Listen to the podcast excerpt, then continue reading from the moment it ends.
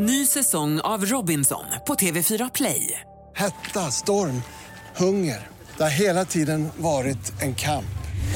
Nu är det blod och tårar. Fan händer just nu. Det. är Detta är inte okej. Robinson 2024, nu fucking kör vi! Streama söndag på TV4 Play.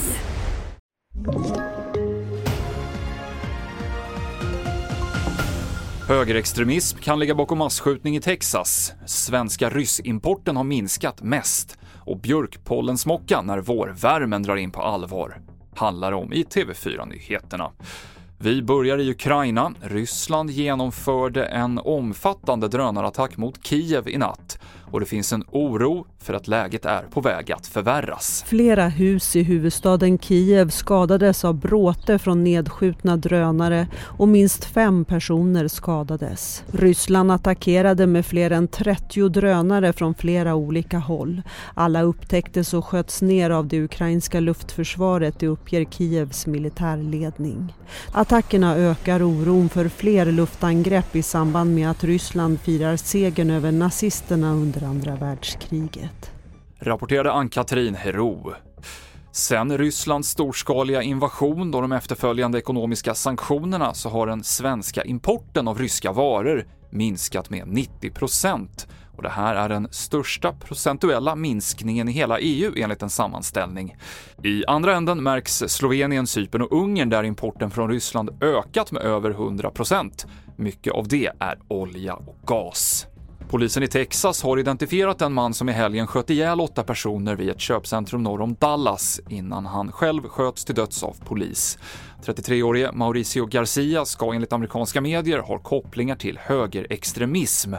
Igår dödades åtta personer i Brownsville i Texas efter att de blivit påkörda av en bilist. Där är det ännu oklart om det rör sig om en olycka eller en avsiktlig handling. Och i veckan kommer värmen till Sverige, men det medför också att pollensäsongen drar igång på allvar. I helgen har det varit höga halter av björkpollen i Göteborg och nu väntas smockan slå till i fler delar av landet. Vi ser ju att det är mycket hänga på björkarna och det finns tidiga björkar och det finns sena björkar. De tidiga björkarna kan man säga har väntat ganska länge på att äntligen få börja blomma och de senare kanske är normalt för dem att börja blomma vid den här tiden. Så nu är alla i nästan samma fas och då släpper många björkar pollen samtidigt. Pia Östensson, biolog, sa det och det avslutar TV4-nyheterna med Mikael Klintevall.